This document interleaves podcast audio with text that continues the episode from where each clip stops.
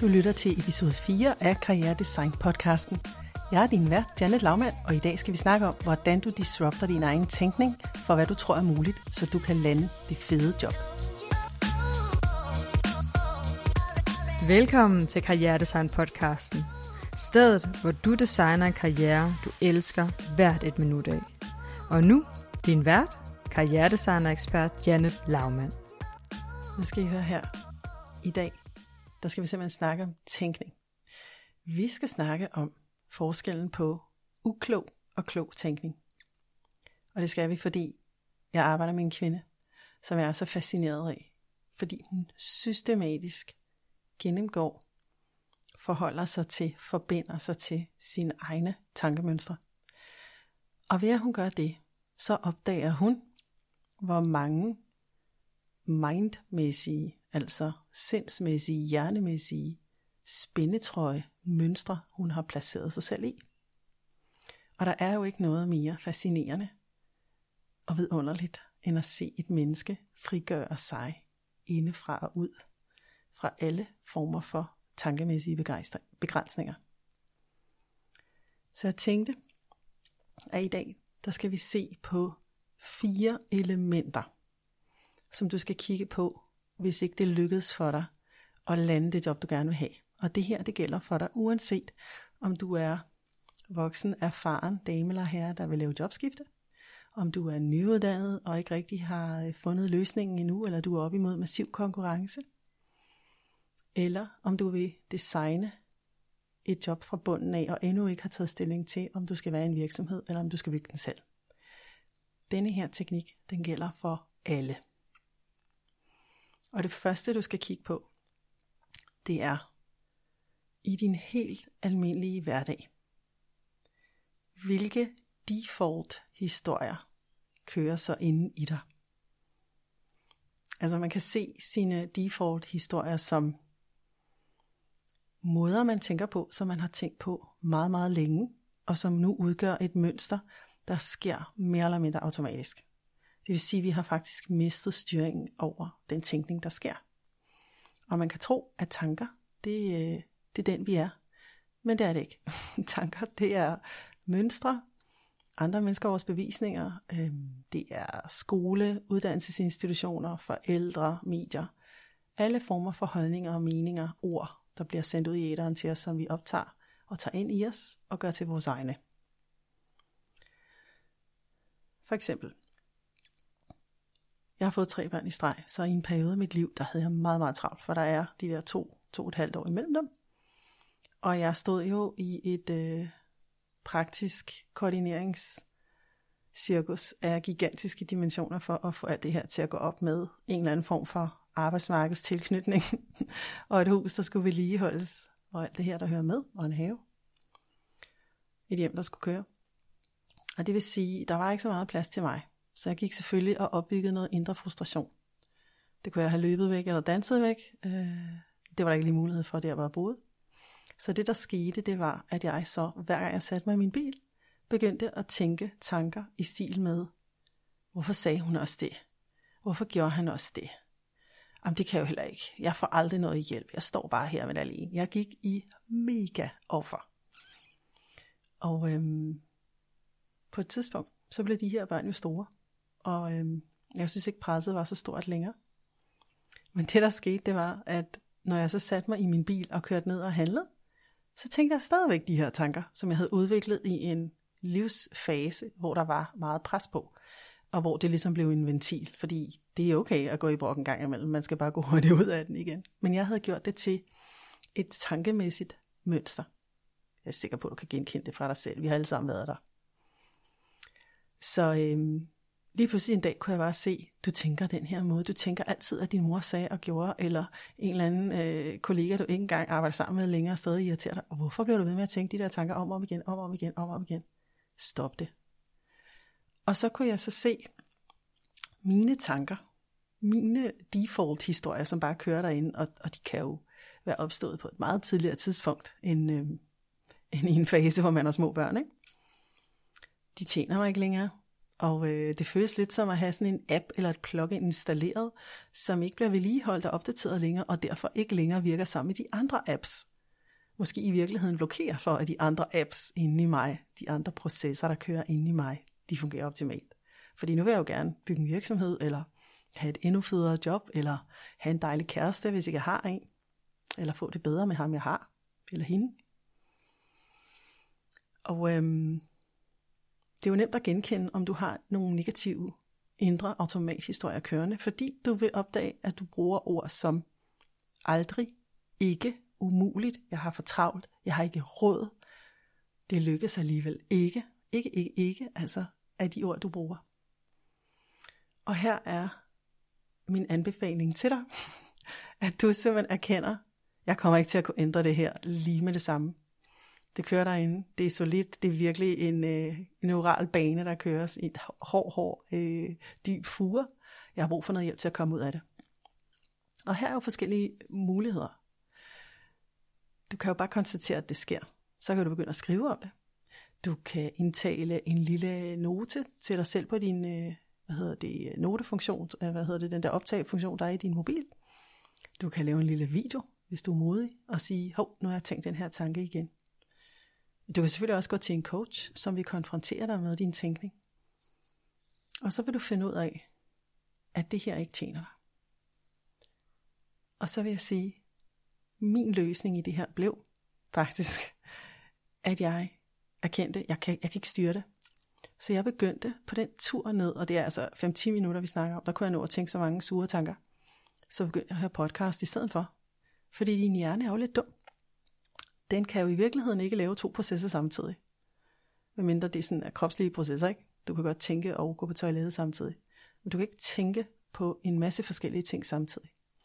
Så min hjerne, opdagede jeg, er ikke i stand til at brokke sig, samtidig med at den lytter til inspirerende mennesker. Så det blev det, jeg gjorde. Det er faktisk også derfor, jeg har lavet den her podcast til dig. Fordi det er mit oprigtige inderste ønske, at du må finde styrke og inspiration og innovation i de her episoder, vi laver til dig så du kan komme ud af en eller anden negativ vanetænkning, som du ikke engang ved, du har skabt for dig selv, og som du ikke gjorde med vilje. Det andet, jeg gerne vil have, du tænker på, det er, når du nu har tænkt de her tanker et stykke tid, hvad får de dig så til at føle? Når du har tænkt de her ikke-tanker, hvis du tænker dem, kan du så mærke, om du føler dig sådan utilstrækkelig, eller får lyst til at give op, eller slet ikke gå i gang, eller føler du dig bange, genert, ved tanken om det, du skal i gang med? Eller de tanker, du tænker, gør de dig begejstret, gør de dig spændt, gør de dig forventningsfuld. Altså får du kort og godt lyst til at gøre det, du tænker om. Det er klart, hvis man sidder og tænker, at ens mor er en kost, og der var en gammel, øh, og undskyld mor, hvis du lytter med, jeg mener det ikke, jeg synes, du er dejlig. Øh, eller der er en kollega, man sidder og brokker sig over, så får man jo sjovt nok ikke lyst til at, at handle konstruktivt på sådan nogle tanker. Men der er jo ikke nogen, der kommer og tænker dem for dig, de kommer jo inden for dig, ikke? Så den følelse, du kobler op på dine tanker, er afgørende for, om du får lyst til at handle på din tanke. Så hvis nu jeg havde siddet og tænkt,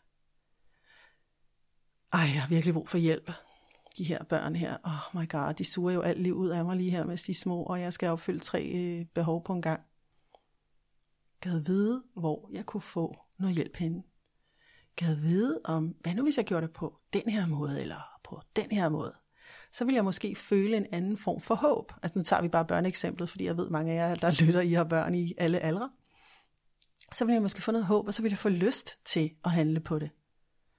Og det synes jeg jo er interessant, fordi hvis man ikke kan det selv, så er det jo, at man kan erstatte det med en eller anden form for podcast, og så få humøret lidt op igen. Fordi at følelser jo smitter. Og den handling, den action, du får lyst til at tage på baggrund af det, du tænker, det er jo en direkte afledt konsekvens af det, du tænker. Hvis du tænker, ej, jeg gider ikke engang søge det her job, der er sikkert 100.000, der søger den. Eller, oh my god, jeg er bare så dårlig til jobsøgning. Hvis du tænker på den måde, så er det jo klart, at du ikke har lyst til at handle på det. Altså det er jo klart, at du ikke har lyst til at søge. Hvis du tænker, åh, jobsøgning, det er bare så gammeldags, jeg, bare sådan, åh, jeg får helt modstand på det. Anna, som jeg ved lytter med, så er det fordi, det måske simpelthen er for gammeldags en måde at skabe sin karriere på for dig. Måske er det bare noget, du har gjort, og du har gjort det tilstrækkeligt til, det keder dig. Så måske skal du gå planken ud og lave noget helt innovativt, som du ikke har prøvet før. Og så ikke længere kalde det jobsøgning, for det vækker alt muligt negativt i dig. Ikke? Der er jo meget øh, tvang ind over sådan et ord som jobsøgning. Altså det er i virkeligheden et røvsygt ord, fordi det ikke inspirerer os til nytænkning og innovation og evolutionære måder at gøre ting på, men um, for nogens vedkommende, for min egen i hvert fald, altså bare sagde, du skal bare tilpasse dig et rigidt arbejdsmarked, og det gider min krop og min hjerne selvfølgelig ikke. Så gør den oprør, som en trodsige teenager. Så det er jo vigtigt, at du mærker ind i, om de tanker, du tænker, får dig til at få lyst til at give op. Om, øhm, om du holder dig selv tilbage. Om du ikke sådan tilbyder alt det, du kan tilbyde, fordi du kan mærke den her stillingsbeskrivelses snævre rammer, du ved, lægger sig som en lykke om din hals og giver dig den der følelse af at have den store hvide spændetrøje på, jamen så skal du ikke søge den stilling. Eller også, så skal du tænke anderledes, når du kigger på stillingsbeskrivelsen. Så vi kan kigge på vores følelser som det her med, får vi lyst til at lege? Får vi lyst til at gå i gang med opgaven? Eller lukker den os ned? Og det kan jo godt være, at opgaven decideret er kedelig, men det kan også, eller stillingsbeskrivelse, det kan også være, at det er dig, der tænker ukloge tanker, som får dig det sted hen, hvor du bliver opgivende i din adfærd. Og så er der det sidste, du skal kigge på. Hvis du kigger på din tanke, over til din følelse, over til den handling, action, du tager på den, så skal du kigge på helt konkret æbler, pærer og bananer. Hvilke typer af resultater får du ud af at tænke den her oprindelige tanke? Kommer der en læring? Kommer der en indsigt? Kommer der en eller anden form for innovativ tænkning ud af det? Eller sidder du bare og tænker samme tanker om og om igen, egentlig mens du sover, fordi du har gjort det så mange gange, at du ikke er bevidst om, at du sover? Eller er der nul læring? Er du offeret, der bare sad og brokkede sig, som jeg gjorde, i en lang køre, og synes, din mor var en kost, og din mor blev mere og mere frustreret, og man gad ikke at sige det til dig, fordi du var så sur. Øhm, at hun holdt op med at tilbyde sin hjælp, så du gik glip af al den hjælp og sparring og støtte, du kunne have fået.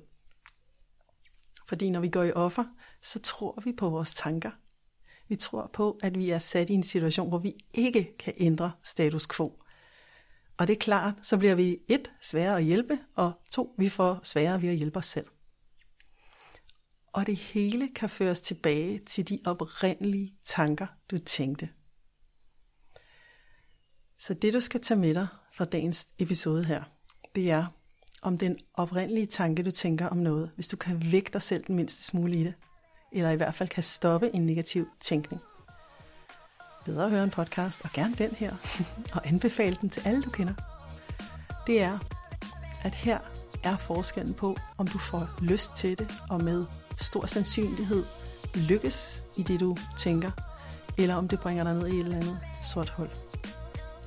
Jeg håber for dig, at din dag må blive fyldt med vågne, bevidste og kloge tanker, som du selv har valgt at placere dig. Og så snakkes vi ved i næste episode. Inden du smutter herfra, vil jeg lige fortælle dig, at jeg sætter så meget pris på, at du lytter til Karrieredesign podcasten. Hvis du kan lide det, du hører og vil have mere, så vil jeg invitere dig over til min åbne online community af innovative First Movers. Her får du nemlig liveundervisning og mikroinspirationsoplæg med mig, hvor du vokser sammen med ligesindet. Vores community består af mennesker med alt fra Ph.D., postdoc, store corporate karriere til soloselvstændige, freelancer og ambitiøse nyuddannede. Jeg ved, du vil få så meget værdi af at være i vores gruppe. Du finder os på Facebook ved at søge på Karriere Design Lab.